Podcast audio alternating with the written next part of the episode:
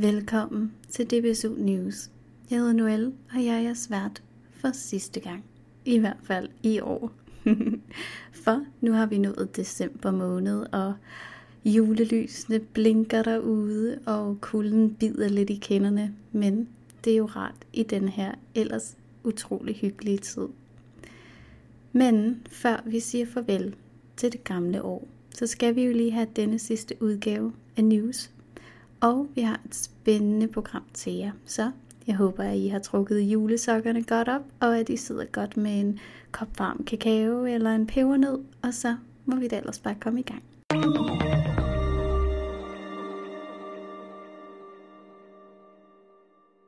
Først vil jeg give ordet til Anna, som udover at være en del af medieredaktionen, også er forperson i Region Vest. Så jeg vil give ordet til Region Vests bestyrelse, så de kan fortælle lidt om, hvordan det er at være en del af en bestyrelse her i DBSU. Jamen, vi er samlet i Vest bestyrelse. Det er i dag den 23. oktober, og vi sidder her og snakker om, hvor fedt det egentlig er at være i en bestyrelse i DBSU. I en, og øh, Malene, hvad, hvad motiverer egentlig dig til at være i en bestyrelse? Jamen, øh, det der motiverer mig for at, at være med i Region Vestbestyrelsen, det er det fede sammenhold, vi har, og, øh, og at man er med til at glæde andre medlemmer, og især det her med, at det også er en legeplads, at man kan få lov til at udvikle sine egne kompetencer, både på bestyrelsesområdet med nogle af de formelle ting, og sådan noget som arrangementsplanlægning, især netop det her med at glæde andre øh, medlemmer, synes jeg er en stor motivation, men hvor man jo netop lærer her også at planlægge arrangementer og ligesom være tovholderen på det. Mm, skulle vi lige måske, nu fik vi lige startet ret hurtigt ud, men skulle vi måske lige sige, hvem der er til stede, og lige øh, give en stemmegenkendelse på. Der er i hvert fald mig, Anna. Så, så sidder der Marlene. Og Maria. Tine. Og Annette.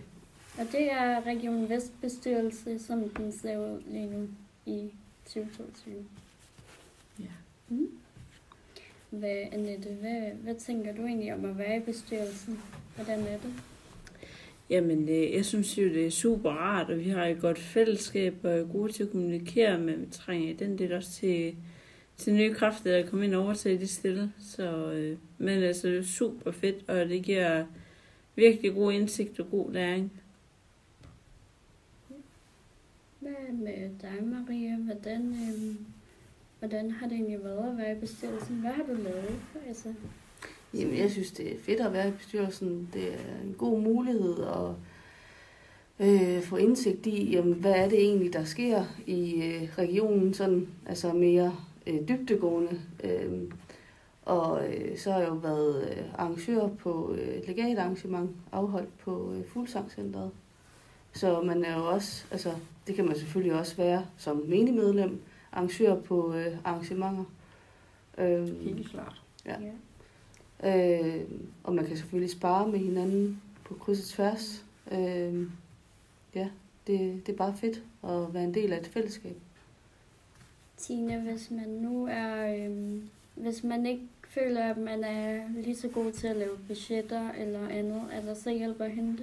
Helt bestemt. Øh, nu er det jo mit første år i øh, Region Vest her, som øh, ja, jeg næsten har været igennem nu, og øh, jeg synes, det har været en virkelig god oplevelse med at øh, komme ind i en bestyrelse, hvor ja, folk bare sidder klar med en hjælpende hånd, hvis man lige synes, at øh, der er noget, der er lidt udfordrende. Vi øh, sparer rigtig godt med hinanden. Man sidder aldrig helt alene med en opgave. Øh, og ja, som det også er blevet sagt, så er det jo bare en rigtig god stemning. Og det her med at føle, at man faktisk gør et vigtigt stykke arbejde også for øh, ja, andre øh, blinde og svagesynede unge. Og føle, at man kan være fælles om det, nemlig at føle, at øh, man også kan lære noget nyt ved, selv ved at være med i det her. Det, det har været en rigtig god oplevelse, så jeg er rigtig glad for, at øh, jeg har gjort det her, og det håber jeg selvfølgelig også, at øh, der er en masse nye kræfter, der kan komme ind og være med til at hjælpe med til her øh, fra det næste år. Ja, så må vi jo ikke glemme, at vi jo netop har siddet og øh, planlagt årets vigtigste arrangement. Nemlig GF 2023. Lige præcis, generalforsamlingen 2023, som bliver her på Fuglsangscenteret. Og det er derfor, så skal I også øh, skynde jer at tilmelde jer og tage endelig en DBSU-ven med under armen til, til årets fedeste arrangement i Region Vest. Marlene, hvis du helt selv kunne vælge, hvem vil du så tage med? Åh, oh, jeg vil tage alle med. Du vil tage alle med, Ja, så skal vi have alle med. Men, Skøn jer til med jer. og det bliver et super fedt arrangement. Der bliver både spændende oplæg og fest og mulighed for at prøve aktiviteter som goalball og TRX muligvis. Måske, ja. Det kunne man håbe. ja. Og så skal I jo også huske, at øh, når I vælger at være en del af bestyrelsen, så er I jo også med til at forme foreningen og være med til at give det det boost, som I selv synes, at øh, I er med til at, altså I er med til at forme DBSU's fremtid og er med til at skabe gode oplevelser for andre. Og også med til at sikre, at vi er her i fremtiden, fordi at der er nødt til at komme nye kræfter i bestyrelsen, for at vi kan vedblive med at være her. Og DBSU er jo for alle, skal vi huske. Så der er Ja, jo øh, præcis. der er plads til de nye, der er plads til de erfarne. Mm. Så det, er- Ja. vi supplerer hinanden enormt godt. Mm. Helt bestemt. Maria, hvad glæder du dig allermest til til GF? Jamen, jeg synes jo, det er fedt at øh, møde nogle nye mennesker, som man ikke har mødt før, og få nogle øh, nye bekendtskaber på den måde. Øhm, ja, det glæder jeg mig til. Hvad med dig, Tine? Jamen, øh, jeg glæder mig til at se rigtig mange fra Region Vest samlet, øh, som øh, går op i, at øh, det skal være en, ja, et, en god region, hvor vi får lavet nogle fede aktiviteter og øh, kæmpet for at holde øh, DBSU kørende. Øh, det, øh, den passion, der er sådan fælles omkring det, det, og det sammenhold, det synes jeg er virkelig fedt. Hvad med dig, Nat? Jamen, øh, jeg glæder mig bare til en super hyggelig generalforsamling, og også en, der er lidt anderledes, end den plejer at være, fordi vi i år har valgt at holde den over en hel weekend, og her på Fuglsangcenteret, så, øh, så skynd jer ind og tilmelde jer, for det bliver super hyggeligt. Ja, hvad glæder jeg mig til allermest til? Jamen, jeg glæder mig rigtig meget til uh, det sociale fællesskab, netop som der er flere, der har sagt. Lære andre at kende også, og, øh, og især også at være med til at få sat en ny bestyrelse til det kommende år. Hvad med dig, Anna? Jeg glæder mig super meget til at se alle mennesker i Region Vest. Håber jeg jo selvfølgelig. Alle det besøger i Region Vest. øh, ej, men vi, skal, vi skal have en rigtig hyggelig weekend, og så håber jeg virkelig på også at se en masse fællesskab, en masse socialt øh, blandt deltagerne. Øhm, og så er der bare noget specielt, det tror jeg, I alle sammen kan give mig ret i, med et DBSU-arrangement, og især på Fuglsangcenteret, hvor folk er lidt mere trygge måske også. Øh, så det er bare noget helt unikt. Øhm, og så tænkte jeg lige på, som en øh, sidste ting, om det ikke lige kunne være lidt fedt at vide, hvad det egentlig man kommer ind til, hvis man, øh, altså hvilke poster der er i en bestyrelse. Vi kan jo tage den ud fra, hvem vi er her, øh, hvor I sidder. Øh, jeg kan starte, og jeg kan sige, at jeg er konstituerende forperson. Det betyder, at øh, jeg har overtaget formands- eller forpersonsposten øh, fra Kenneth, som er blevet landskasser nu. Så har vi en kasser. Mm. Det er Maria. Øhm, jeg øh, har været kasserer i øh, et år. Hvad er en kasser? En øh, kasserer sørger for, at øh, regnskabet det, øh, det ser fint ud. Og formanden har, eller forpersonen har det ligesom overordnet overblik, og jeg også den, der mere eller mindre har det sidste ord, selvfølgelig med godkendelse, men man kan tage nogle beslutninger en gang imellem, hvis det haster, men man skal selvfølgelig altid huske at inkludere sin bestyrelse. Hvad med dig, Tine? Jamen, øh, jeg er øh, bestyrelsesmedlem, almen bestyrelsesmedlem, og øh, jamen, det er en øh, rigtig fed post, synes jeg, netop, fordi at, øh, det er ja, lidt en legeplads, hvor man øh, kan vælge, hvilke opgaver man synes er spændende og kaste sig ud i. Der er ikke nogen sådan faste øh, rammer for, hvad, øh, man arbejder med i den her post, det er, øh, ja, det er op til ens egen interesse, mm-hmm. hvor man vil gøre en forskel, og den her frihed, synes jeg er super fed. Annette, hvad laver du? Jamen, øh, jeg er også menig bestyrelsesmedlem, øh, som siger til, det er en super fed post, og øh, ja, den kræver jo ikke sådan vildt meget, og sådan, men, øh, men der er plads til, at man kan, ligesom alle andre poster på sin ord sagt, og få sin indflydelse, og, øh, og gøre en forskel i foreningen. Marlene?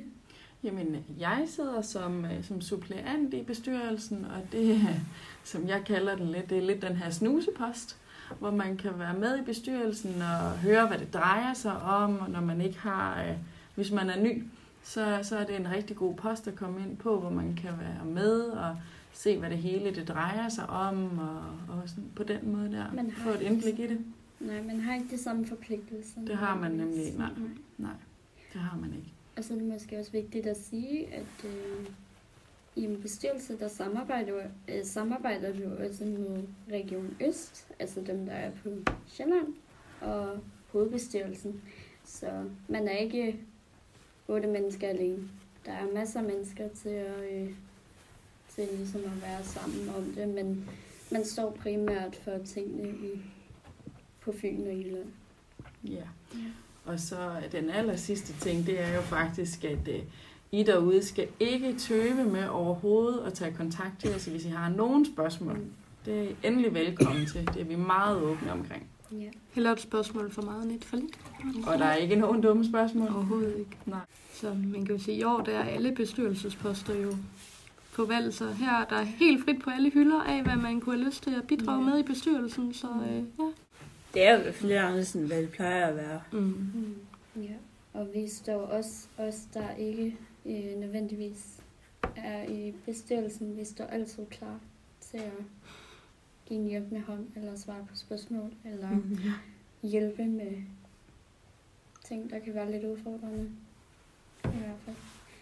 Men øh, vi vil sige øh, tak, fordi I lytter med, og vi håber, at vi har inspirere jer, der bor i Vest, til at øh, komme med til GF, og ikke mindst øh, ja, træde til i bestyrelsen. Og jeg skal måske også lige sige, at hvis man har et ønske om at være med i bestyrelsen, men af gode grunde ikke kan deltage til generalforsamlingen, så er man meget velkommen til at, ja, til at skrive.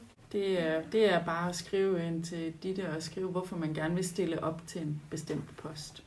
Og hvad post man gerne vil stille op til. Og så håber vi at se så mange af jer til generalforsamlingen. Ja. I må have det godt. Årets LaLandia arrangement var en stor succes. Her får I et interview, som Anna lavede med Sander og hans mor, der begge to deltog i arrangementet. Jeg står her sammen med Janne og Sander. Og Janne, hvem er du? Jeg er mor til Sander her på, på 13, som er blind. Og så har vi et par søskende med os. Hvor er det, vi er henne, Sander? Vila Landia i Bilund. Er det et fedt arrangement? Ja, det er et mega fedt arrangement. Hvor, øh, hvor mange søskende har du med så? Jeg har min bror Markus, og så kommer min storebror Mikkel i aften. Ej, hvor hyggeligt. Ja. Janne, hvordan er det at have hele familien med? Eller i hvert fald en stor del af Noget af den. ja. Det er smadret hyggeligt at, have familien med her i Lalandia til det her arrangement. Det er jo øh, fast tradition, øh, og alle glæder sig og synes, det er smadret hyggeligt at være afsted. Øh, både som familie, men også det at komme hen og møde alle de andre igen. Hvordan er det som mor at være afsted med, hvad skal man sige, en, en stor del andre forældre og børn med øh, enten forældre med synshandicap og børn, der kan se, og omvendt får du noget sparring, eller Jeg får rigtig meget sparring ud af at være på de her ture her, øh, på de arrangementer. Øh, det er super, super fedt, at vi finder hinanden som forældre øh, og kan tale sammen. Øh, både øh, en helt almindelige ting, men også hvis der er nogle problematikker, man har lidt brug for hjælp til eller et eller andet. Så kan man altid lige vende det med nogle af de andre. Øh, og efterhånden så kender vi jo hinanden rigtig godt, så vi kan også få rigtig meget hygge ud af det, og så kommer der nye ind også, som vi, øh, som vi får med ind, og, og synes det er meget hyggeligt at møde nye mennesker, og ja, så man får rigtig meget ud af det. også som forældre. Hvad vil du sige, hvis der sidder nogle familier derude, enten forældre eller børn, hvad de, øh, hvorfor skal de tage med til sådan et her øh, familiearrangement? De skal tage med, fordi det giver rigtig, rigtig meget. Hvis vi nu siger for vores vedkommende med, med børn og sådan, altså børnene, de øh, kommer ud og være øh, blandt ligesindede, øh, og føler sig bare hjemme og trygge i det. Øh, og, og som forældre, så igen det der med, at man kan være sammen med andre, der har det, øh, de samme problematikker og, og det hele. Man, man føler sig bare hjemme i det hele. Øh, og derfor er det rigtig godt givet ud, også som nye. Øh, man kan lære meget af det og så se, hvordan andre de har klaret det, og hvor godt det egentlig går, og, og sådan, så kan man se, at der er altså en vej frem i det her. Sandra, hvor er vi lige nu? Vi er landet i hytte øh, 84. 84. Og, hvad er det, vi laver? Øh, vi er til et øh, hyggearrangement, hvor man kan spise alt muligt kager og æbleskiver, og Mhm. det er helt tredje. Ja, det er. Sandra, jeg kunne forestille mig, at øh, der er rigtig mange af dine venner, der er afsted her. Ja, der er. er, det, øh, er det fedt at være sammen med sine venner? Ja, det er det. Det er mega fedt. Jeg sad lige sammen med Gustav, Mhm. da jeg blev hentet herhen. Så vi lige og havde det sjovt. Er det noget, du glæder dig til hvert år at komme ud til dine venner og have dine søskende med også? Ja, det gør jeg rigtig meget. Mhm. Det er dejligt. Tusind tak. Eller andet, I, I har tilføjet? Eller? Mm.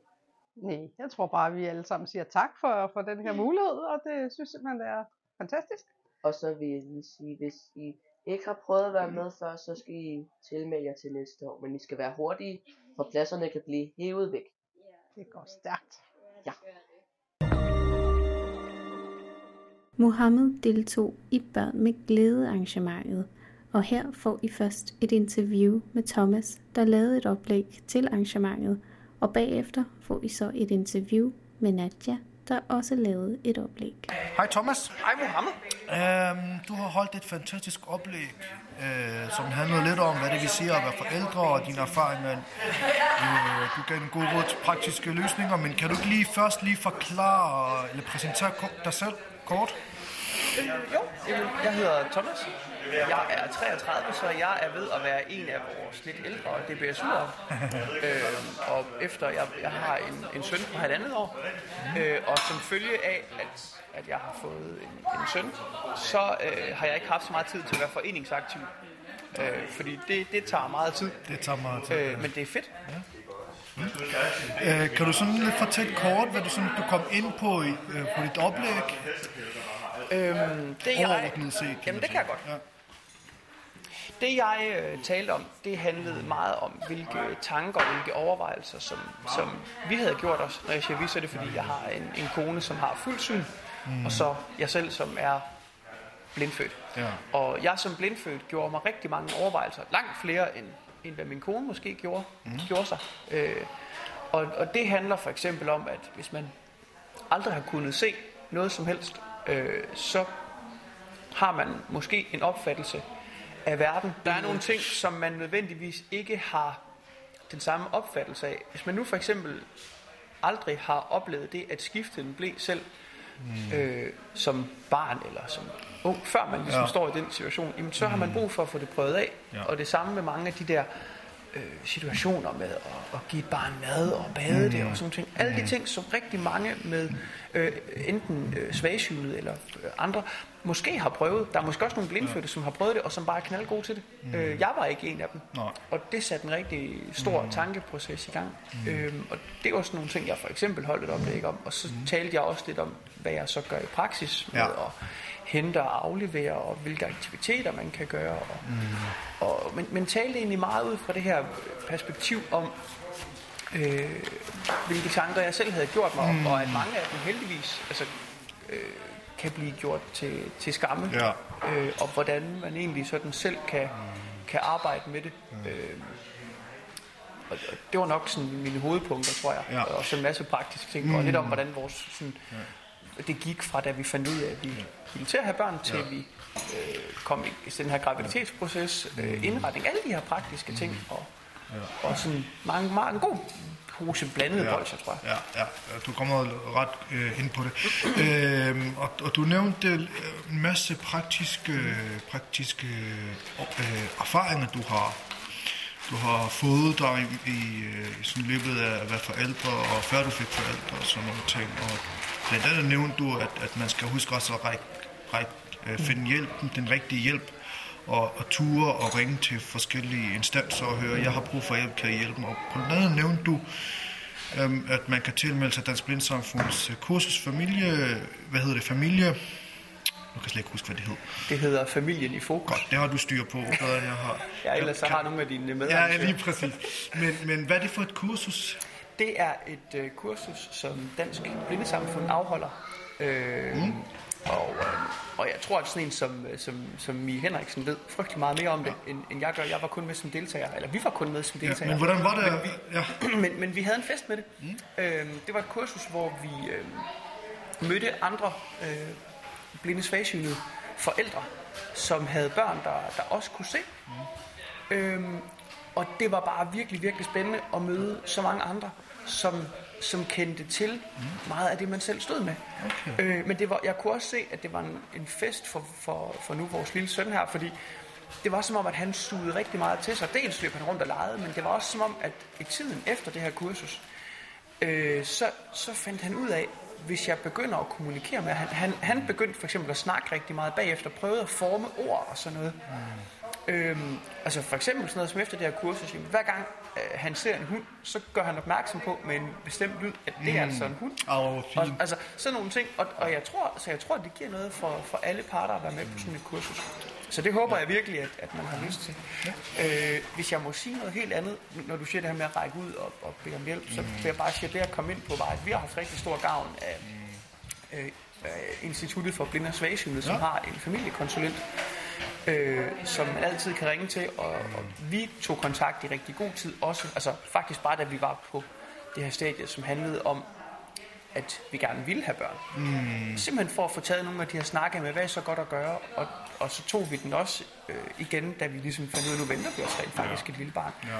Og, og, og de kan altså nogle tricks, og så ved jeg også, at Dansk Blindesamfund har nogen, som man, man altid kan gå til. Mm. Og jeg tror, det der er vigtigt for mig at sige, øh, som lidt er en lidt en fortærsket sætning, men mm. gør det altså alligevel, det er at sige, at der er nogle mennesker, som vil gå gennem ild og vand for dig som kommende mm. forældre. Øh, de, vil det i hvert fald, de vil det i hvert fald for os, så jeg er sikker på, at de også gerne vil det for Ja. dig og dine, Ja. øh, som lytter til det her. Mm. Så, så, hvis du, så gør dig selv den tjeneste og tag tyren ved hornene og ring til dem, Mm. og, og, s- og, og sig, hvad du faktisk er lidt bekymret for. Det er også okay. Øhm, Ja. fordi de vil så gerne hjælpe dig, Mm. men, men, men de har brug for at vide, hvad de kan hjælpe dig med. Mm. Øh, men jeg, jeg kan love dig, at den hjælp, du får, er rigtig god, og du, du, bliver, du, du bliver så taknemmelig for det bagefter. Altså, det har været en kæmpe hjælp for os. Fantastisk. Jamen, tusind tak, fordi du har lyst til at, til at dele din historie og dine erfaringer med os. Det har været en kæmpe fornøjelse. Øh, et sidste spørgsmål, så slipper jeg dig, så skal vi ud og spise noget frokost. Men øh, et godt råd til mig, som overvejer at blive forældre. Så jeg tænker sådan i forhold til nu, er jeg er i tvivl, øh, kan jeg nu klare det, når jeg har et synshandicap? Mm. Øh, jeg er lidt nervøs for at række ud. Ja. Der kan være masser af ting, man lige Jeg tror, overvejer, tænker over, spekulerer over. Jeg tror, jeg vil sige to ting, og det er lidt med far for at komme til det som sådan en kæmpe kliché, mm. øh, men, men jeg tror på, at det virker. Mm. Det første, det er, at du øh, fortæller dig selv, at det er okay at have de følelser, du har. Mm. Det er okay at være i tvivl. Du mm. er på ingen måde alene, selvom du garanteret lige i den, den situation føler dig som det eneste menneske i hele verden, der har det sådan. Mm. Det andet, jeg vil sige til dig, det er, at det er lige der, det er en god idé at række ud efter for eksempel en familiekonsulent fra IBOS, eller tage fat i nogen, du kender øh, i Dansk Blindesamfund. Det kan også være, at du har en, en god ven, veninde eller mm. nogen i din omgangskreds, som har prøvet at være der, hvor du er. Mm. Og hvis, hvis det er nogen, du har tillid til og stoler på, Ja. så kan det også være en god idé at få talt med nogen om det og opsøge ja. det. Mm. Øhm, men ellers, hvis du synes, at det lige er voldsomt nok, så tag kontakt til nogle af de her Ja. mennesker, som arbejder med det øh, til daglig. Fordi de kender til det, og de kan med garanti give dig nogle værktøjer, og, og ligesom hjælpe dig med at komme videre fra, hvor du, hvor du er med de bekymringer, bekymringer som, som du nu har. Og det er helt okay at have det sådan. Mm. Og det er vigtigt, at man fortæller om de her ting, for der er så mange ting, som man kommer til at tage stilling til. Og hele verden vil have en mening om, hvordan du som forælder er. Det ville de også have, selvom du kunne se, men de ville bestemt også have det, selvom du, når du, hvis du ikke kan se så godt. Mm. Så det der med at få bragt de ting på banen og få talt med nogen, som ved, hvad det handler om, og som, som fordi de arbejder med det, så er de jo også tavshedspligt. Det er jo ikke noget, de går ud med til andre. Øh, det bliver ligesom mellem jer. Mm. Men nogle gange kan det også være, at det er bare en snak, der skal til. Mm. At, at det kan tage noget af presset fra dig. Ja. Det vil jeg gøre. Der vil jeg helt mm. klart starte. Øhm, ja. Og blive ved med at tage fat i dem. Mm. Øh, de vil gerne. Så du må ikke føle, at du render dem unødigt på dørene. Det tror jeg på, at de vil fortælle. Det gør, de, det gør du ikke. Du skal bare tage kontakt. Fordi som jeg sagde før, hvordan skal de ellers vide, hvor du, hvordan og hvornår du har brug for hjælp, og hvad du har brug for hjælp til. Det Jamen, vil være mit, mit, mit bedste råd mm. til dig. Jamen tusind tak, Thomas. Det har med givet videre. tak for i dag. Jamen tak selv. Det var en fornøjelse. Tak. Hej Nadja. Kan du fortælle lidt, hvorfor du er her i dag? Jamen, jeg har været inde og holde oplæg på, øh, hvad det hedder, for børn med glæde. Ja, børn med glæde arrangement. Ja. ja. Øhm, og det har jeg, fordi jeg er blind, og jeg er selvvalgt solmor til Elliot på halvandet år. Ja. Ja. Og kan du sådan lidt fortælle overordnet set, hvad du sådan kom ind på? Øh... Mm, jamen, jeg kom sådan lidt ind på altså, mit forløb og hvordan det fungerer i forhold til at få børn alene. Øh, og det gjorde jeg jo i den øh, kontekst at få børn alene, når man ikke kan se. Øh, mm og hvordan det ligesom fungerer. Ja. Du gør også nogle gode tips i forhold til, når du er ude og gå tur med Elliot, så har du en øh, ja. klapvogn. Kan, ja. kan du forklare lidt om det? Fordi det var, det var altså min, min, min øh, det, det, der fylder hos mig, mm. er, er det der med, når man skal ud og gå tur, hvordan skal, jeg, hvordan skal jeg så gøre? Ja. ja, men når jeg går tur med Elliot, øh, trækker klapvognen bag mig, og med stok foran. Så, så det vil sige, øh, klapvognen, der er to... Øh, den bliver trukket. Ja. Nej, det er, det ikke. Øh, men den... Øh, hvad hedder det? Øh, jeg trækker den lidt ligesom en rullepuppe, man skal sige, mm. efter mig. Ja. Og så går jeg med stokken foran. Ja. Smart. Ja. Øh, sidste spørgsmål, hvis du kan give sådan et råd, øh, hvis nogen, der går sådan i tanker, hvis der er nogen, der overvejer at få børn, men er sådan, åh, skal, skal jeg gøre det, skal jeg ikke gøre det? Har du et, øh, et råd? Jeg tænker, jeg tror at snakke med nogen, der har børn ikke kan se. Og ja. tænker også, at, at, gør sig nogle overvejelser om, hvordan man skal For jeg tror meget, det er til de praktiske problemer, man sådan, eller udfordringer, man, man der, der rumsterer i ens hoved, når man ikke kan se. Altså netop, hvordan kan man gå hen til vuggestuen med sit barn? Hvordan kan man... Øh, Praktiske spørgsmål. Ja, jeg tror meget, det er det, der fylder, og, og det tænker jeg, det, det er der som regel øh, mange måder at løse mm. på. Ikke? Altså ligesom, at øh, vi lærer nogle andre teknikker, når vi laver mad, så lærer vi også at lære nogle, altså, lære nogle andre teknikker til at være forældre, når vi ikke kan se. Mm. Jamen, tusind tak, Nadia. Ja, velbekomme. Og tak, Eliat. Tak for det. Og her får I en filosofisk stemningsrapport fra et sanseligt vinsmagningsarrangement i Region Øst. En refleksion og en oplevelse af druen bag den rejsende dame med Thomas Lysgaard. Sammensat af en masse forskellige druer på forskellige marker. Det er ikke søgen efter den enkelte drue, hvordan den øh, viser verden men simpelthen her i højere grad, hvordan mennesket kan stykke noget sammen, ud fra det, der er, er givet. Ikke? Giver det mening? Ja. At det er, den ene, det er i højere grad noget med, hvordan druen, den får lov til at, på en eller anden måde at, at udstille, og her er det i højere grad mennesket, der får lov til at lege kunstneren og blande en palet, fordi man har mange forskellige druer til rådighed. Men det smager satan bank også godt. Det gør det. Men, men jeg håber også, det giver mening med, øh, at, at det er i mm. princippet lidt den samme struktur som den forrige, men med flyderang på. Ikke? Der er meget mere fuld og, og fedme, fedt kød. De andre vine har været lidt mere sådan en specifik farve. Det her det er mere et maleri. Wow. Hæft i drenge, altså. I er så sindssyge. nuancerne. Hvad, hvad var det, den hed, den her igen? Hvad, hvad, hvad, hvad er det for en vin igen?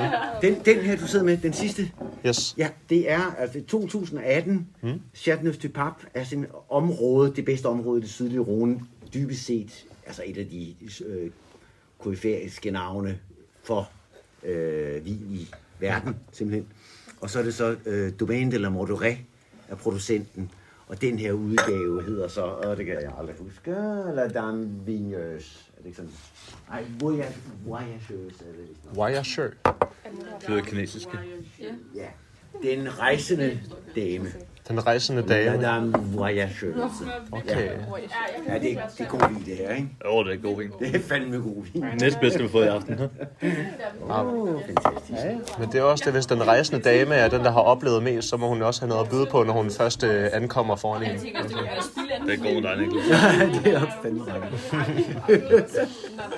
Mm.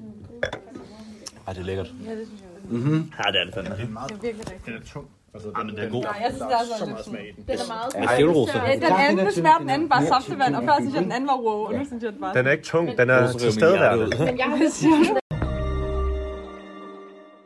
Mikkel Enoch, som I jo kender som vores forperson, har lavet et interview med Anne-Sophie og Siri, der deltog i en rejse til Rwanda i september måned i samarbejde med Dansk Blindesamfund. Formålet med rejsen kan I jo høre i dette interview, som jeg virkelig synes, at I skal høre til ende. Hej, det er BSO News. Mikkel Enoch er nu tilbage igen. Jeg har droppet formandsposten for en, for en lille periode, for at gå tilbage i mit gamle arbejdshøj i, i medieredaktørsrollen. Og øh, for ikke at være, være helt løgn, så er faktisk en gammel gæst med i dag. Det er den vedkommende. Jeg har faktisk to gæster med i dag. Men øh, hende, jeg er ved at præsentere nu, er en af dem, jeg lavede en aller, aller første podcast med om PT-forløbet ude på, på Ibers for, for flere år siden. 4-5 år siden. Og øh, Siri, hvem er du? Jamen, øh, jeg hedder Siri Højer Petersen, og jeg øh, bor på Frederiksberg. Og øh, ja, jeg var med i PEP-forløbet her for et par år siden herude på IBOS. Og øh, nu har jeg så været i praktik efterfølgende i Dansk Blindesamfund, og så øh, med på medlemsrejsen i Rwanda sammen med Anne-Sophie. Ja, og Anne-Sophie, hvem er du? Jeg hedder Anne-Sophie Jensen, og jeg øh, bor i Vandløse, og øh, var øh, også med på, øh, på den her tur med, med DBS som frivillig, og fik lov at komme øh, lidt med på et afbud. Øh, så, øh, så det var øh, ret pludseligt, at jeg lige pludselig fandt ud af, at jeg skulle afsted øh, på den her sindssygt spændende rejse. Ja, fedt. Og vi er altså samlet i dag, fordi øh, vi faktisk skal snakke om den tur til Rwanda, her, som I begge to har været på, ikke? Og øh, det vil sige, at jeg skal ikke snakke så meget i dag, heldigvis. Det lader jeg to kloge hoveder om at gøre. Og vil ikke uh, prøve at snakke uh, lidt om hele processen i, uh, inden I kom til Rwanda? Hvorfor det blev beslutningen, at I skulle til Rwanda? Her? Jo, altså det hele startede i virkeligheden for over et år siden, hvor den her medlemsrejse den blev slået op i medlemsbladet, og øh, man kunne søge om at komme med, hvis man ville øh, ned og besøge et af vores medlemslande. Ja. Øhm, og hvorfor det er Rwanda, det øh, er jeg faktisk ikke 100% sikker på, men jeg tænker, det er fordi, at de øh, er ved at lukke samarbejdet ned her om fem år. Mm. Øhm, så stopper de samarbejdet, så de er i gang med en udfasning lige nu. Okay. Øhm, så det er jo også et af de lande, hvor, at der, hvor de har arbejdet gennem de sidste 25 år og har rigtig meget erfaring og en masse projekter i gang. Ja, skal vi lige slå fast, hvornår var det, I var afsted til Rwanda? Det var i september 2022, og det var, så vidt jeg husker, fra den 10. til den 18. september. Ja. Ja, så lidt over nu var, var I afsted. Ja. Og uh, ja, hvordan, uh, hvor mange var I, der var afsted? Jamen, øh, vi var mig og øh, Anne-Sophie, og så var vi øh, en ældre herre, Jens, Ja. som øh, gik na- under navnet James. Øh, Fordi at de havde svært ved at sige James i Rwanda. Ja. Og så havde vi øh, Anne herude for Ibers med som ledsager. Ja. Øhm, og så havde vi øh, Susanne Kjær, som er projektleder, Okay. og som er hende, der normalt samarbejder med Rwanda. Ja. Hvordan er, nu sige, jeg er faktisk rimelig god til geografi, og elsker sådan noget kulturelle forståelse og så videre. Men jeg ved ikke så meget om Rwanda. Og det går heller ikke ud fra, at I gjorde, ligesom inden I tog sted her. Så hvad, hvad er I lige så forberedt jer på, inden inden I lige så afsted til, til et helt fremmed land, som vi ikke rigtig ved noget om? Altså, jeg har jo øh, i nogle år efterhånden været øh, både medlem af bistandspolitisk udvalg hos DBS, Mm. og så har jeg samtidig også været en del af en organisation, som øh, arbejder for bedre uddannelsesmuligheder for synshandicappede børn i Tanzania. Så det vil sige, at jeg havde øh, allerede været i, øh, i Tanzania, som grænser op til Rwanda, øh, og været der et par gange. Mm. Og, øh, og jeg har jo også øh, samlet lidt viden også om øh, DBS' Rwanda-projekt øh, gennem min rolle i bistandspolitisk udvalg. Øhm, så... Øh, oh, nu, nu tager vi lige tråden. Det er godt, man kan blive klippet. Ja, ja. Øh, Så jeg havde i hvert fald, øh, gik jeg selv ud fra sådan, øh, i hvert fald sådan en helt basal idé om, hvad, jeg, øh, hvad det var, jeg gik ind til, og hvad det ville sige at, at rejse i et udviklingsland. Ja. Og så har jeg desuden også læst øh, engelsk og Afrikastudier på universitetet. Okay. Så jeg har sådan generel viden om, øh, om Afrika syd, syd for Sahara derigennem. Ja, så du har været rimelig vel forberedt, he? og ligesom klar på, på det her. Ja, det tænker jeg. Øhm, men jeg støtter alligevel på nogle overraskelser undervejs, må jeg indrømme. Hvad med dig, Siri? Ja, øh, jeg tror, en af min forberedelse primært har været igennem min praktik. Jeg har faktisk været i praktik i Dansk Blindesamfunds internationale øh, udviklingsafdeling Ja, ja. gennem øh, to praktikker. Så allerede for halvanden år siden startede jeg i praktik derude, øh, og var med til at forberede hele den her rejse, uden at vide, at jeg selv skulle med. Okay. Så jeg sad og lavede øh, pakkelister og øh, tjekkede kurser, og Ja. øh, overvejede, hvad, for nogle, øh, hvad vi skulle have forberedt, inden vi skulle afsted i forhold til kommunikationsarbejdet. Og sådan. Kan du prøve at snakke lidt igennem den proces der, med, med forberedelserne, inden man så har skrevet til land som Rwanda? He? Hvad, hvad, hvad skal man være opmærksom på? Øh, jamen, jamen, jeg synes jo egentlig bare, at vi, vi, meget af det, vi snakkede om i de her forberedende møder, var jo om, også om, hvad vi havde lyst til at opleve. Mm. Altså, jeg synes på den måde var det en meget fleksibel tur, hvor at de selvfølgelig, vi skulle ned og møde RUP, som er deres blindesamfund dernede, øhm, og de ville rigtig gerne præsentere nogle af de projekter, de er involveret i. Men udover det, så synes jeg også, at vi fik lov til ligesom at ønske, at vi vil gerne snakke med nogle lokale, eller vi vil gerne på markedet, eller Ja. der sådan, så, så, øh, så der var en del forventningsafstemning om, hvad, der sådan, hvad, det, hvad programmet skulle være på rejsen. Ja, så der, det er det, jeg lige kan høre, du, du siger, så var der en god øh, position faglig, men også øh, social aktivitet dernede. Ja, jeg synes, der var en rigtig god landing. Ja. Ja, men så lad os snakke lidt om, om selve rejsen derned. Hvor lang tid tager det at komme til Rwanda? øh, 13-14 timer, sådan Gør det det alligevel? Altså, det er et bedre spørgsmål, hvor lang tid tager det at komme hjem fra Rwanda. Vi øh, mistede vores fly i Istanbul på vejen hjem, og endte med at være på farten i 22 timer eller sådan noget. Puh. Ja. Ja, Det, det var en lang rejse, var det? det var en meget lang tur. Hvordan øh, undgik I så at rive hovederne af hinanden? På vejen hjem, Ja. Øhm, Jeg tror, vi rettede vores, øh, øh, frem for at rette vores vrede mod hinanden, så rettede vi vores vrede mod øh, lufthavnspersonalet, Aha, okay. som, var, altså, som var skyld i øh, problemet, og som øh, ikke var særlig fleksible. Hmm. Øh, så det krævede øh, virkelig vores øh, bedste overtagelsesevner og en ordentlig portion stedighed, for at, øh, de rent faktisk satte os på en afgang hjem senere den dag, frem for at, øh, at vi skulle overnatte på hotel, og så først komme hjem dagen efter. Ja, så jeg vil sige, øh, ja, vi fandt en fælles fjende øh, uden gruppen, som vi ligesom kunne rette vores aggressioner mod. Og så sørgede vi for at få noget mad, øh, Ja. og Ja. finde et lidt roligt sted, hvor vi kunne sidde og slappe lidt af. Vi var rigtig trætte. Vi havde haft en ret vild øh, rute hjem, hvor vi først havde fløjet fra Rwanda til Istanbul, men så også lige skulle ned i Uganda samtidig. Okay. Og flyveren, øh, flyveturen startede klokken halv to om natten. Uh. Så vi øh, jeg havde ikke sovet så meget heller. Nej. Så, øh, så mad, søvn og øh, en rygepause. så var vi godt kørende igen. Ja, men øh, det var tre vigtige ting. ja. Prøv at uh, sagt mig igennem den første dag, I Rwanda, fra I for, forlod lufthavnen, og så er I lige, hvad, hvad der skete derfra.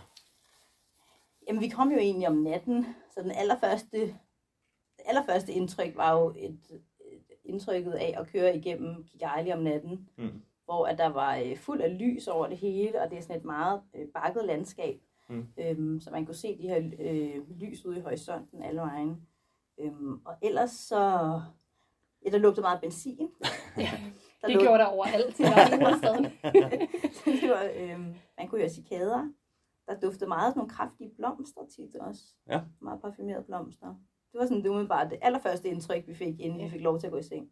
Ja. Og så vil jeg så sige, øh, med hensyn til lufthavnen, og hvis jeg skal sammenligne med den erfaring, jeg har fra Tanzania, øh, der kan jeg huske, første gang jeg var i Tanzania og ankom til lufthavnen, der sad vagterne, og øh, ja, de sad og sov, og øh, vi var nødt til at vække dem for, at, øh, at de ville øh, lave en visum til os. Ja, okay. Øh, og det var altså øh, meget lidt velorganiseret i Tanzania, hvorimod i Rwanda blev jeg meget positivt overrasket over. Altså det er en lille lufthavn, men den er helt utrolig ren, og det virker som om, at personalet, der er der, de har nogenlunde styr på, hvad det er, de laver.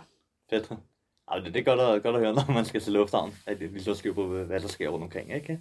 Faktisk, hvad vi oplevede, var jo også, at det sådan repræsenterede ret fint, hvordan hele landet fungerer. Ja. Altså, der er stor effektivitet og, øh, og, og meget kontrol. Ja. Ja, især, når, især da vi skulle rejse ud af landet faktisk. Øh, Det lidt sjove ved Rwanda er, det er, at der er væsentligt mere kontrol, når du rejser ud af landet, end når du rejser ind i landet. Mm. Øh, For eksempel var det kun på vores øh, hjemrejse, at vi skulle redegøre for, hvad vores ærne i Rwanda havde været. Okay. øhm, og øh, og øh, man kunne øh, mærke, altså da vi gik med vores assistance, da jeg i hvert fald gik med min øh, lufthavnsassistance, så gik hun sådan og smalltalkede, øh, skulle det virke som om, men, men hvor man egentlig godt kunne fornemme lidt, at hun, øh, hun prøvede at fange i- egentlig nogle sige, uregelmæssigheder i hendes forklaring. Hmm.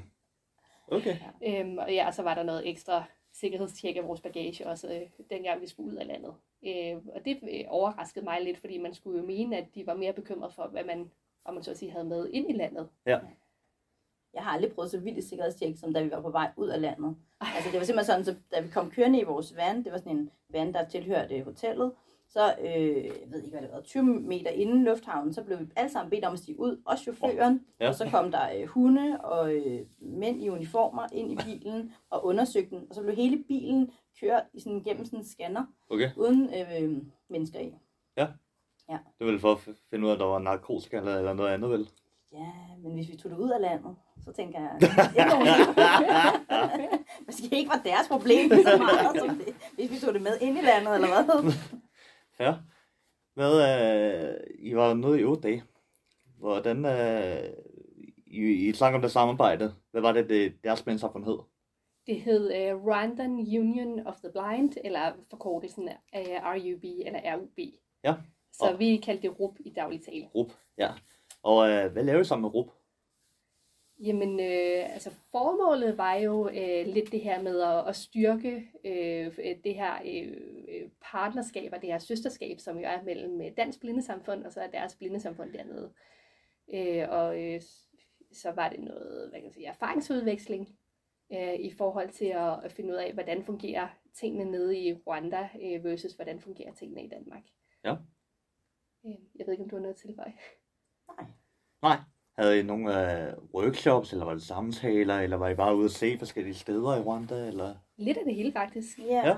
ja. vi var ude at besøge en del steder, ikke? Jo. Ja, men vi var også med ude at besøge en lokalkreds, for eksempel. Ja. Jamen, prøv at snakke mig igennem de, de faglige indtryk, I fik af udturen. Ja, øhm, jamen altså den allerførste øh, besøg, vi havde, det var øh, hos RUP i deres ja. hovedkvarter i hovedstaden, Ja. øhm, som var sådan en øh, fin gammel villa, Okay. øhm, hvor, de, øh, hvor de havde kontorer rundt omkring. Ja. Jeg ved ikke, hvor mange der har været. Under 10 medarbejdere, tror jeg, Okay. øhm, som knoklede fra øh, morgen til aften. Og der havde vi et længere møde, både om deres historie, om Rwandas historie, om øh, det arbejde, de laver, de projekter, de har gang i nu. Mm. Og så øh, havde vi jo vores øh, tur ud af Kiali, som var sådan et døgn, hvor vi var på farten, hvor vi var ude at besøge øh, først den lille blindeskole. Ja, Øh, øh, den for ja, børn i folkeskolealderen, ja. Ja. Ja, ja. Øhm, og så øh, bagefter det var vi øh, ude at besøge en, øh, hvad sige, en, en lidt større, øh, jeg ved ikke, om man kan kalde det blindeskole, men det var sådan en, øh, en erhvervsskole, som er det, de kalder en inclusive skole. Så det vil sige, det er en almindelig skole som udgangspunkt, men hvor de så har øh, fokus på at øh, inkludere folk med funktionsnedsættelser. Okay. Så der var blandt andet en, øh, en folkeskoledel af den her skole, hvor at øh, 250 ud af de 800 elever, der gik der, de øh, havde en eller anden form for handicap. Ja. Øh, og øh, der var flere dele af den her skole, men vi havde primært fokus på folkeskolen, og så deres øh, produktionsskoledel, som også var en øh, inclusive skole, og hvor de lavede en øh, hel masse forskellige ting, øh, og håndværk, som, som at strikke, og væve og øh, arbejde med tekstiler, og så var der også et værksted til, at, øh, de øh, kunne fremstille krykker og reparere hjælpemidler og sådan noget. Ja. Øhm, og øh, så besøgte vi faktisk også, det var en af de andre dage, men øh, det var også i en øh, landsby, cirka en halv times kørsel fra Kigali, øh, som hedder Masaka. Der besøgte vi en, øh, ja, man kan nærmest sige en øh, rwandisk pendant til Ibos. Okay. hvor at øh, folk de jo øh, altså, også ligesom på den anden skole lærte håndværk, øh, og ligesom i Danmark øh, lærer øh, ADL, og de lærer mobility, og alle de her ting med øh, at lære at bruge deres hjælpemidler. Øh, men så er der så også lige øh, det twist ved det, at øh, fordi det jo øh, primært er folk, som øh, bor ude i landdistrikterne i Rwanda, så øh, skal de jo øh, lære, og, øh, hvordan man, øh, man klarer sig selv derude. Så der lærer man jo blandt andet sådan noget som at holde dyr, ja. altså øh, for eksempel køer og høns og kaniner og sådan noget, mm. og hvordan du øh, malker dem og passer dem. Øh, og man lærer øh, noget om, hvordan man øh, dyrker grøntsager og holder en øh, køkkenhave ved lige. Og så øh, lærte man ikke mindst, og det var altså, øh, noget i hvert fald, jeg var meget imponeret over, øh, det her med, hvordan man laver mad over bål. Så vi, vi kom på et tidspunkt forbi øh, nogen, som sad og rørte i sådan en kæmpe stor gryde, der hang hen over bålet, hvor der var mad i til 50 mennesker, og det var så vores frokost, de var i gang med at tilberede. Okay. Og vi spurgte dem så, jamen, øh, hvem øh, hugger så brænde og tænder op i det her bål? Og de kiggede sådan lidt sjovt på os, og så sagde de, jamen, det lærer vi da som noget af det første. så det var, det var ret vildt at opleve, men jeg synes også samtidig virkelig siger noget om, hvad man rent faktisk er i stand til som, øh, som synshandicappet, hvis man øh, får de rette værktøjer. Mm. Jamen perfekt. I gør mit job her nemt, jo. Det er, jeg har nemt tænkt mig at, at lave en lille glidebane over til, og en lille perspektivering i forhold til Danmark. Kan ja. vi i Danmark lære lidt af det, de gør noget i Rwanda? Eller omvendt, kan Rwanda måske lære noget af det, vi gør i Danmark? Altså, jeg synes noget af det, der var spændende, hvis vi nu tager udgangspunkt i det, den skole, vi snakkede om lige før, ja. øh, rehabiliteringsskolen, det var det der med, at, øh, at folk jo tit bliver udstillet som nogen, der ikke rigtig kan bidrage til familien, hvilket mm. er et ret stort problem, når man, øh, når man bor i en familie i Rwanda. Ja. Øh, så noget af det, de lærte, det var jo netop at komme her og have et forløb på seks måneder, hvor de faktisk boede på skolen og lærte at vaske deres eget tøj og ræde deres seng og gøre rent og lave mad. Øhm, og alle mulige praktiske ting, så der var meget fokus på, ligesom at man kunne komme og være øh, en del af det fællesskab, man nu kom fra. Ja, fedt. Og det var også øh, det, vi kunne høre, fordi at vi spurgte ind til øh, deres fremtidsdrømme, de her kursister, der var, heroppe, var deroppe. Og øh, de øh, drømte alle sammen om noget forskelligt. Altså, der var nogen, der gerne ville leve af at kunne strikke, og en anden en, han ville gerne være farmer, altså bondemand. Ja. Øhm, og, øh, og de svarede alle sammen noget forskelligt i forhold til, hvad de gerne ville leve af, men det de alle sammen samstemmende svarede, det var, jamen øh, før jeg kom hertil, der havde jeg enormt svært ved at, at leve med at acceptere, at jeg rent faktisk havde et synshandicap. Øh, og jeg sad egentlig bare derhjemme næsten og kiggede ind i væggen, fordi at øh, jeg, øh, både jeg og min omgivelser havde en idé om, at jeg ikke rigtig kunne noget. Øhm, men øh, efter jeg har været her, så har jeg lært, at, øh, at jeg ikke er en øh, byrde, men jeg, jeg er en ressource. Og jeg, om ikke andet, så vil jeg i hvert fald kunne komme hjem og bidrage til husholdningen derhjemme. Fedt. Det, det er jo også en værdi, jo. Ja. Det handler om at finde, finde værdi den hverdag, man, man nu er blevet, uh, man nu er en del af, ikke? Ja, lige præcis. Det synes jeg, de var gode til ligesom at holde fokus på. Også i det hele taget, så RUP øh, arrangerede også kurser for pårørende, hvor pårørende nu komme øhm, og lære om mobility og så videre, så de ligesom kunne støtte deres familie. ja. Så jeg synes, der var et, altså, på den måde kan man måske også mærke lidt forskellen i at være en vi-kultur og så en lidt mere individualiseret kultur som Danmark, mm. hvor der var meget fokus på, at man øhm, kunne på en eller anden måde blive inkluderet i det samfund, man nu var i. Ja. Og man kunne også øh, se, da vi var ude i den her lokalkreds og høre om, hvad for nogle aktiviteter de lavede, så, øh, så øh, deres aktiviteter var jo øh, altså modsat her i Danmark, hvor at øh, kredsene mest fokuserer på sådan nogle sociale aktiviteter. Øh, så havde de øh, i Rwanda mest øh, meget fokus på sådan nogle helt basale ting, for eksempel det her med at, øh, at undgå øh, fejlernæring og, og øh, hjælpe med at sørge for, at folk havde nok at spise og og øh, havde det fokus. Øh, men det, som de, de også var rigtig gode til, og som jeg tror, vi kunne lære noget af her, øh, det var, at, øh, at de havde øh, altid fokus på, at øh, næsten uanset hvad de gjorde, så skulle øh, de pårørende eller lokalsamfundet være inkluderet. Mm. Så de havde for eksempel øh, et projekt med nogle køkkenhaver, som, øh, som øh, det så var meningen, at, øh, at de her synshandicappede, de øh, passede øh, i samarbejde med deres naboer. Okay. Øh, fordi at så var det jo ikke kun noget, som, øh, som kom de her øh, synshandicappede medlemmer til gode, men så kom, så kom det jo hele lokalsamfundet til gode.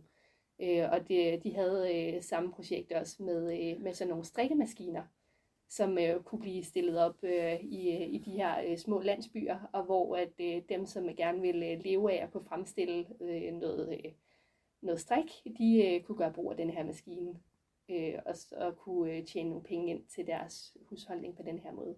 Ja. Øhm, og det tænker jeg at, øh, kunne være en øh, rigtig fed idé at, øh, at være lidt bedre til at implementere det her i Danmark, øh, også selvom vi måske ikke i så høj grad har behov for øh, køkkenhaver for eksempel, så kunne det jo stadig være en, øh, en sjov aktivitet, man kunne have sammen med sine naboer, øh, eller man kunne lave sådan et eller andet med, øh, så lavede man en, øh, en spilaften, altså hvor de spil, man spillede, det var på lige vilkår, så der kunne man øh, tage sin pårørende med. Øh. Mm. Og jeg tænker bare i det hele taget, måske lave nogle øh, aktiviteter øh, sammen med sin, øh, sin pårørende, som øh, måske ikke i så høj grad handlede om, at nu skal I seende lære noget om, hvad det vil sige at være blind, men hvor det i øh, højere grad handlede om, at man, øh, man foretog sig noget sammen øh, på lige vilkår og var sociale på den måde. Altså på den måde måske også kunne øh, nedbryde nogle af de her fordomme, som folk jo også har her i Danmark om, hvad det vil sige at være synshandicappet. Det lyder som om, at der er større fokus, eller det var blevet øget fokus på selvstændighed blandt synshandicappede i, i Rwanda. Her. I hvert fald øh, har de øget fokus på at være selvstændig på den måde, at man øh, skal kunne bidrage. Ikke? Jo. Øhm, så måske ikke, som, måske ikke et øget fokus på at være selvhjulpen. Det synes jeg, vi har et stort fokus på i Danmark også. Mm. Men, men det der med at, at kunne være en del af flokken, Ja. har de et stort fokus på. Ja. Så fungerer det egentlig, at, at de har fokus på det med at være en del af flokken, men ikke har særlig mange sociale aktiviteter? I Danmark er vi både DBS, men også DBSU har meget fokus på de sociale aktiviteter. Ja. Jamen, det var faktisk lidt sjovt, fordi at øh, Jens, som øh, var øh, vores øh, tredje medfrivillige, han fortalte jo lidt om, hvad de lavede i øh, hans kreds, som er kreds Frederiksberg, hvor han øh, blandt andet fortalte noget om det her med, at så har de måske nogle biografer, teaterture, og, så, og fortalt blandt andet også, at de har en litteraturklub, hvor folk de mødes en gang om måneden, og så diskuterer en bog, som de har læst. Ja. Øhm, og øh, der havde de øh, sådan øh, lidt svært ved at, i, i starten at se, hvad er pointen egentlig med det her. Øhm, og, men da de så ligesom øh, fik forklaret øh, det her med, eller øh, da vi fik det vinklet på en måde, så det hed, jamen øh, det handler jo også om, at øh, folk de skal ud af isolation, og det handler om, at man øh, får noget hjernegymnastik også.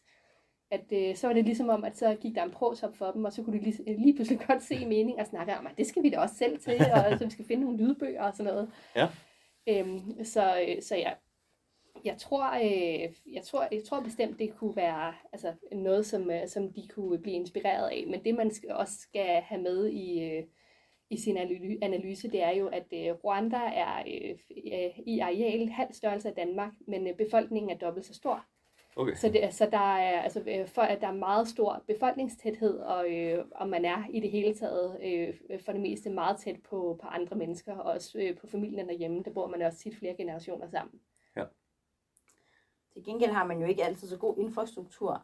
Øhm, så på den måde synes jeg også, at det giver bedre mening, det der med, at man gør meget ud af, hvordan man fungerer i en landsby, i stedet for, hvordan man forsamler folk. Fordi jeg tror, at der er rigtig mange, der har udfordringer med faktisk at komme øh, til sociale arrangementer, hvis man lavede det. Mm. Fordi at det, det er ikke så nemt bare lige at tage en bus, eller sådan, Nej. hvis man er blind i Rwanda. Ja, men så kan jeg i hvert fald, så være over det, det faglige punkt der. I tilføjer selvfølgelig bare noget, hvis, I føler, der er et eller andet, vi skal snakke om det, ikke? Jeg vil gerne høre lidt mere om jeres kulturelle indtryk af Rwanda her. Hvordan var det for jer personligt at være i Rwanda her? Fik I noget ud af det? Ja, ja det gjorde vi. altså, jeg vil sige, altså, jeg, var, jeg kom jo med på et afbud by accident øh, i februar til Liberia, Ja. øhm, og havde måske en lidt arrogant øh, holdning til, at øh, nu havde jeg prøvet det der Afrika, så det vidste jeg jo godt, hvordan det var. øhm, og det vil jeg sige, at jeg, jeg blev meget overrasket. Jeg, jeg har fået øh, noteret mange af mine fordomme. Ja. Det var et øh, meget, meget rent og pænt og velordnet land. Og der var, øh, når man, altså, det allerførste, vi, vi blev mødt af, nu spurgte du der i forhold til, at vi kom fra lufthavnen af, det var sådan nogle kæmpe store alléer, hvor der var øh, palmer på snorlige rækker, og så var der sådan nogle små klippede buske ude i siderne Fedt. af vejene. Ja. Øhm, og der var ikke noget plastik, der lå og flød nogle steder. Og, øhm, Altså Kigali, hovedstaden, var i hvert fald renere end København. ja, det vil Ja. jeg også sige. Og med fancy og caféer næsten. Ja, det er ikke engang løgn. Ja. Øhm, og jeg, jeg havde nok egentlig i virkeligheden oplevet lidt af det samme, fordi jeg, jeg havde jo øh, været i Tanzania, som øh, altså, øh, uden at have været i Liberia, så øh, kan jeg sådan høre ud fra, hvad Siri fortæller, at, øh, at Tanzania måske er lidt mere, øh, en anelse mere velordnet end, øh, end Liberia er, men, øh, men slet ikke i, øh, i samme grad, som jeg oplevede, at Rwanda var. Mm. Øh, og i forhold til kulturen, så øh, blev jeg også øh, meget overrasket med det her med, hvor, øh, man kan sige, hvor, hvor stille og rolige, og man kan sige, hvor, hvor beskedne øh, folk egentlig var i, øh, i Rwanda. Øh, fordi at øh, man, man, jeg synes i hvert fald, jeg har oplevet i Tanzania, at øh, åh, nu skal jeg lige finde ud af, hvordan jeg skal formulere det. jo, altså, øh, hvor øh, folk i Tanzania er sådan generelt meget mere, øh, hvad kan jeg sige, approaching, eller de, de er i hvert fald meget mere sådan, øh, Direkte, imødekommende. Ja, me- meget mere, jeg vil sige, altså, de, det er ikke fordi, de ikke er imødekommende i Rwanda, men i Tanzania er de sådan øh, meget mere direkte og, og en anelse mere højrystede, kan man sige. Ja. øh, hvor, i, øh, hvor i Rwanda, der er, øh, altså, der var er nogle mennesker sat til syder næsten selvudslættende, og der var nogle mennesker, som altså, talte i så lavt i tonefald, så det næsten ikke var til at høre, blev sagt. Det var i hvert fald, altså i det hele taget, det ved jeg mærke i, det der med, at de er meget sådan diskrete. Det er meget diskret folk, og sådan lidt tilbageholdende. Ja. Det er ikke fordi, de ikke vil, vil snakke med en, og det er ikke fordi, de ikke vil, er nysgerrige, eller sådan, men de, øh, de gør ikke et stort væsen ud af sig selv, synes jeg. Og faktisk så øh, var jeg dernede for at optage podcast Ja. til Verdenssyn, som er Dansk Blindesamfunds nye internationale podcastrække. Og, øh, og det der med at komme med en mikrofon, det kunne man faktisk ikke nogen steder. Altså, jeg havde jo glædet mig så meget til at have baggrundslyd af Ja, øh, vilde markeder og, øh, og sådan, altså sådan, alt det der baggrundslyd, der er. Men der var ikke nogen sådan offentlige steder, man bare kunne stille sig op med en mikrofon. Nej. Det kunne folk simpelthen ikke lide. Og vi fik også at vide, at vi ikke bare måtte tage billeder af, hende, af folk Nej. dernede. Øhm, og det, altså det er jo noget, vi ikke har været så meget inde på, men det er jo nok blandt andet sådan en, øhm, en eftervirkning af folkemordet. Ja, men det, jeg er faktisk at komme ind lidt, lidt på, på, på folkemord her. Ja. Fordi øh, det er nok det, når, når der bliver sagt Rwanda, her, Ja. så er det jo nok folkemord for 25 år siden, 30 år siden. Nej, hvornår var det? Det var det. Øh, det var i 94, så 94, ja. næsten 30 år siden. Ja. Og det er jo nok det, der kommer, kommer op i hovedet. Det er det, man bliver lært om i, i historieundervisningen Okay. tilbage i, i skolen, ikke? Men ja, som man kan høre på jer, så, er det, så har Rwanda udviklet sig siden dengang. Eller hvad? Ja, men måske med folkemordet, ikke? Eller sådan, altså på grund af folkemordet har de måske først og fremmest udviklet sig. Ja. Jeg synes, altså nu, vi fik jo en del baggrundsviden. Vi var blandt andet på Memorial Center den første dag, hvor vi var rundt og se om og se historien fra, fra folkemordet, som kan sige, de, de, de skylder ikke, ligesom tyskerne gør under 2. verdenskrig. de skjuler det absolut ikke. Det er helt upfront, og det altså, man kan sige, at deres, øh, deres leder, Paul Kagame, Mm. han har jo altså gjort arbejdet virkelig hårdt for, at det her det er noget, vi skal snakke om. Øh, og at, at folk på en eller anden måde skal forsøge at forsone sig, sådan så at de kan leve side om side igen. Ikke? Mm. Fordi det var jo noget af det, der var meget skræmmende ved det her folkemord. Det var jo, at det var, altså, det var folk, som kendte hinanden, som lige pludselig stak hinanden. Ikke? Jo. Så, og det var er, er igen noget af det, man også kunne mærke der i forhold til at komme med en mikrofon. Eller sådan, der er måske lidt en mistillid mellem hinanden. Ikke? Mm. Og man, øh, man skal passe på, hvad man siger øh, et land som Rwanda. Ja. Ja, fordi der er jo, øh, der er jo reelt ikke rigtig noget, altså hverken det- demokrati eller ytringsfrihed øh, i Rwanda. Øh, og der er, øh, der er ting, som folk værer sig ved i det hele taget at, at tale højt om, øh, Mm. fordi at man øh, ikke nødvendigvis kan være sikker på, at der ikke er nogen, der lytter med. Øhm, så, så jeg tror måske også, at det har været øh, en af årsagerne til, at, øh, at folk har været sig ved at få taget billeder øh, af sig, eller blive øh, optaget på bånd. Fordi ja. at man måske også har en eller anden underliggende frygt, der hedder, jamen hvad kan det her blive brugt til? Og kan det blive brugt imod mig? Jamen, øh, skal vi ikke have stemningen lidt op igen, piger? Jo. Hvad, hvad, hvad er det sjoveste, I oplever dernede? Eller måske bedste minde lige frem, hvis det hjælper jer lidt på, lidt på glæde. Det synes jeg faktisk var øh, for mit vedkommende denne her øh, rehabiliteringsskole.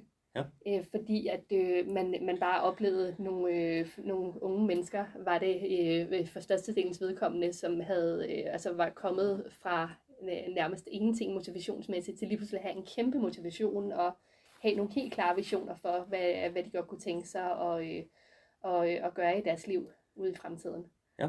Øh, og så var der jo også bare en, øh, en helt fantastisk stemning på, på det her sted. Altså det var øh, i modsætning til hovedstaden, øh, hvor at der visse steder er meget trafikstøj og sådan noget, så var det her bare helt øh, altså roligt, og du kunne øh, gå og lytte til chikader og øh, nærmest ikke øh, høre ret meget andet. Ja. Jamen, der er sige. Øh, jamen, jeg tror, jeg har et lidt mere lavpraktisk svar. Øh, men jeg synes, noget af det fedeste var, at når man skulle rundt i, øh, i Gigali, så foregik det på motorcykel. Ja. så, øhm, så altså det der er deres lokale taxager, og helt klart den billigste måde at komme rundt på, det er ved at præge en motorcykel, og så har man jo en chauffør, øh, heldigvis en seniorchauffør, foran med en hjelm på, og så får man selv udleveret en hjelm, for det er lovpligtigt simpelthen at have hjælp på, i, Ja. øh, når man kører mo- motorcykel, og man må aldrig køre mere end to, man må ikke engang have et barn ekstra med. Nej. Øhm, og så kører man igennem, og nogle gange er det jo sådan ret øh, hæftig traffic der i myldretiden, og så øh, zigzagger man så bare ind og ud mellem bilerne igennem det der vilde trafik. Det, øh, jeg, jeg, var, øh, jeg var skeptisk i starten, men jeg lærte at holde meget af det. Ja. Og det var sådan, øh, til sidst, så havde vi det næsten alle sammen sådan, at vi, øh, vi gad ikke at køre almindelig taxa, fordi det var så meget øh, hurtigere og så meget sjovere at køre på motorcykel. Øh, Ja. og især, øh, jeg var, øh, jeg var den første, som prøvede det i løbet af turen, Okay. øh, hvor de andre tog en taxa. Øh, og jeg er jo sådan en, der generelt er til vilde forlystelser og rutsjebaner og sådan noget, så jeg synes jo bare, det var det fedeste i verden, Ja. og sagde til de andre, ej, det skal jeg altså prøve. Øh, og det tror jeg ikke, at de fortrød sidenhen, da de så prøvede det. Ja, men jeg tænker, at vi nærmer os øh, afslutningen af det her. Hvad er her på bagkant? Hvordan øh, var det helt overordnet set at være, være i Rwanda? Har jeres syn på Rwanda som land ændret sig her efterfølgende? Ja, som man kan sige, øh, ligesom øh, så mange andre, så øh, noget af det, jeg primært kendte til Rwanda, inden vi tog afsted, det var jo folkemordet og hele den her tragedie, som, Mm. øh, som er forbundet med det. Øhm, så øh, så jeg, jeg øh, kom derfra med et meget, meget positivt indtryk, og, øh, og blev øh, på de fleste områder meget positivt overrasket i forhold til, hvad jeg havde regnet med. Øhm, og, øh, og kunne sagtens forestille mig at, at rejse derned igen, enten på en lignende rejse, eller måske på ferie engang. Ja, jeg synes også, jeg altså, virkelig er blevet positivt overrasket. Altså, at alting fungerede jo, mens vi var der. Der øh, var elektricitet, der var benzin, der var øh, alle mulige forskellige restauranter, hvor vi var ude at spise på med forskellige øh, kulinariske køkkener. Ja. Øhm, øh, det, folk var, var meget sådan behagelige og, øh, og øh, ville altid gerne hjælpe. Så var vejret utrolig dejligt. Det var som sådan en øh, dansk sommer, fordi det ligger højt. Ja. Øh, så selvom det er tæt på ekvator, så var det ikke sådan ulidelig varmt. Øhm, og så var det bare rigtig smukt med alle de her bakker. Ja. Over det bløde bakker over det hele. Ja, det går under navnet Afrikas Schweiz. Det kan man godt forstå. Tæt. Og det går også under navnet Landet med de tusind høje, og det var i hvert fald også helt rigtigt.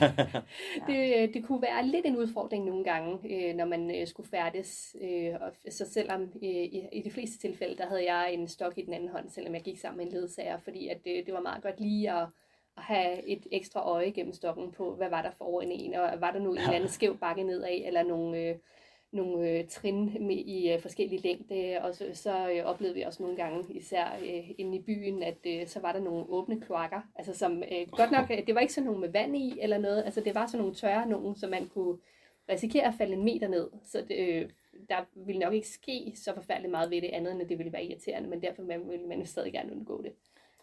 Noget andet sjovt, vi også oplevede i forhold til de der bakker, det var, da vi kom kørende i, øh, på vores dagstur, så øh, der var rigtig mange, der er rigtig mange lastbiler, der kører op øh, de der snoede små bjergveje.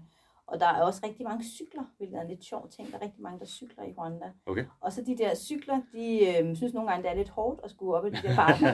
så hægter de sig bare på sådan en lastbil, og så, og så, så får de bare et lift op ad bakken hele vejen.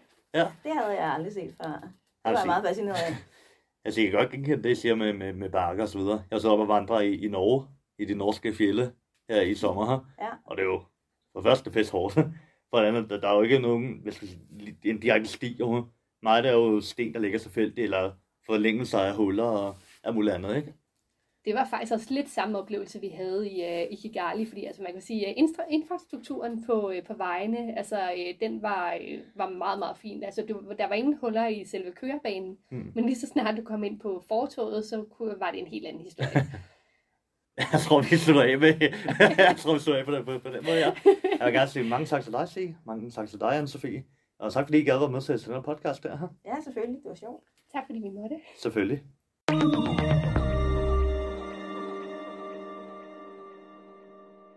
Og nu er det blevet tid til invitationer til kommende arrangementer. Husk, at I kan finde alle invitationerne, som jeg præsenterer her i DBSU News i deres fulde længde. I finder dem ved at gå ind på DBSU's hjemmeside dbsu.dk og derefter trykke på aktiviteter og derefter vælge enten arrangementer eller fælleskalender.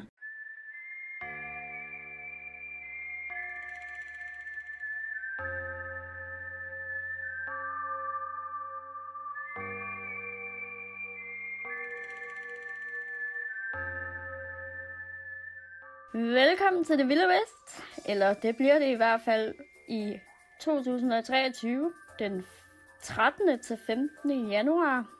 Jeg var lige ved at sige 15. til 13. Det går ikke. Det er allerede vildt nu, kan I høre. Jeg som forperson i Region Vest har et brændende ønske om at se alle vestmedlemmer til vores generalforsamling. Vi har brug for masser af energi for dig derude af, og vi har brug for, at du øh, deltager i vores generalforsamling, så vi kan få skabt et helt unikt og mega godt fællesskab her i Region Vest. Udover øh, den sædvanlige generalforsamling, som der altid bliver holdt hvert år i begge regioner, og ja, du kender det sikkert også fra landsmødet, det er dog ikke så tungt til regionernes så skal vi også fejre hinanden og fejre fællesskabet og fejre DBSU, som vi er. Vi er fantastiske alle sammen. Nogle er gode til at dukke op til arrangementer, og andre er gode til at lave arrangementer. Det fejrer vi alt sammen om lørdagen til en lille fest.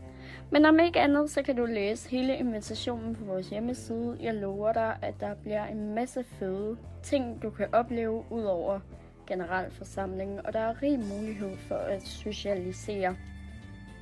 Jeg skal også lige skynde mig at sige, at øh, selvfølgelig er der mulighed for, at du kan deltage blot en dag, selvom det er på fuldtidscenteret. Du skal bare sørge for at skrive det ved tilmelding. Jeg håber virkelig at se dig, og øh, så glæder jeg mig til at, at se, hvem der kunne være frisk på at blive en del af bestyrelsen. Hej.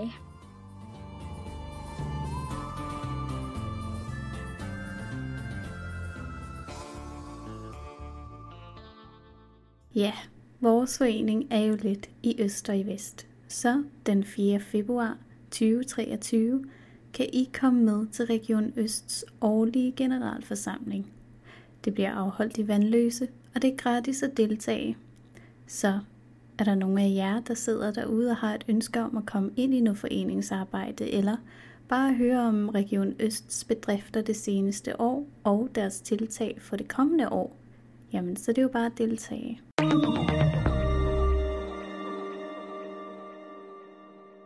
Desværre må jeg komme med en lidt trist nyhed her til slut. Maria har valgt at trække sig fra posten som medieredaktør, men det vil jeg lade hende selv sætte et par ord på lige om lidt. Men først vil jeg have lov til at sige tusind tak for at have fået lov til at arbejde sammen med dig og lære dig at kende, og tusind tak for det arbejde, som du gjorde som medieredaktør. Jeg håber, at det, der venter på dig i fremtiden, vil bringe dig alt det bedste. Hej alle i DBSU. Jeg har valgt at trække mig fra mediereaktionen. Jeg har været rigtig glad for at være en del af mediereaktionen, og jeg har lært en masse ting ved at være medlem. Jeg har blandt andet lært, hvordan man lydredigerer og hvordan man billedredigerer. Det vil jeg kunne bruge i fremtiden også. Jeg håber, at I alle sammen har det rigtig godt, og at vi ses derude til de kommende arrangementer. Hej!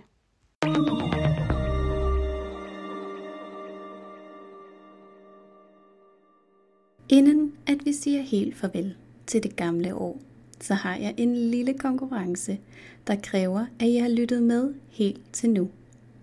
Hvilket hyttenummer nævner Sander og hans mor, at de stod i under interviewet? Var det hytte nummer 64, nummer 74 eller nummer 84? Jeg snakker selvfølgelig om interviewet, som Anna lavede sammen med Sander og hans mor i LaLandia. Præmien? Ja, det må I jo bare vente og se, hvad det er. Men jeg synes i hvert fald, at I skal deltage, for det er da nok en dejlig lille ekstra julegave.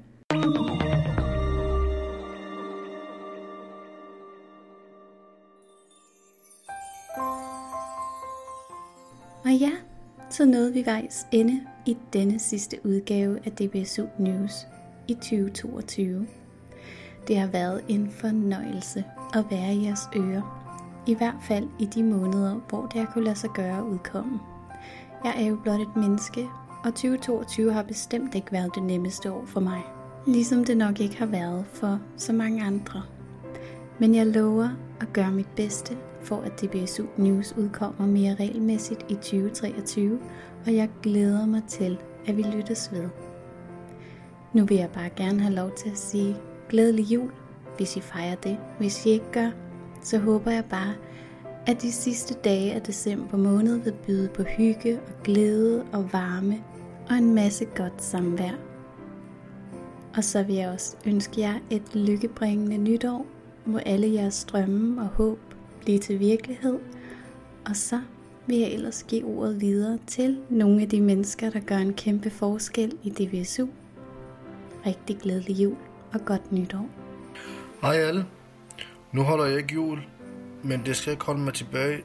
Jeg ønsker jer alle sammen glædelig jul og godt nytår. Pas på hinanden derude. Vi ses igen i 23. Rigtig glædelig jul og godt nytår. Jeg håber også, I får en rigtig god jul. Hej, det er BSU. Det er Mikkel Enok her.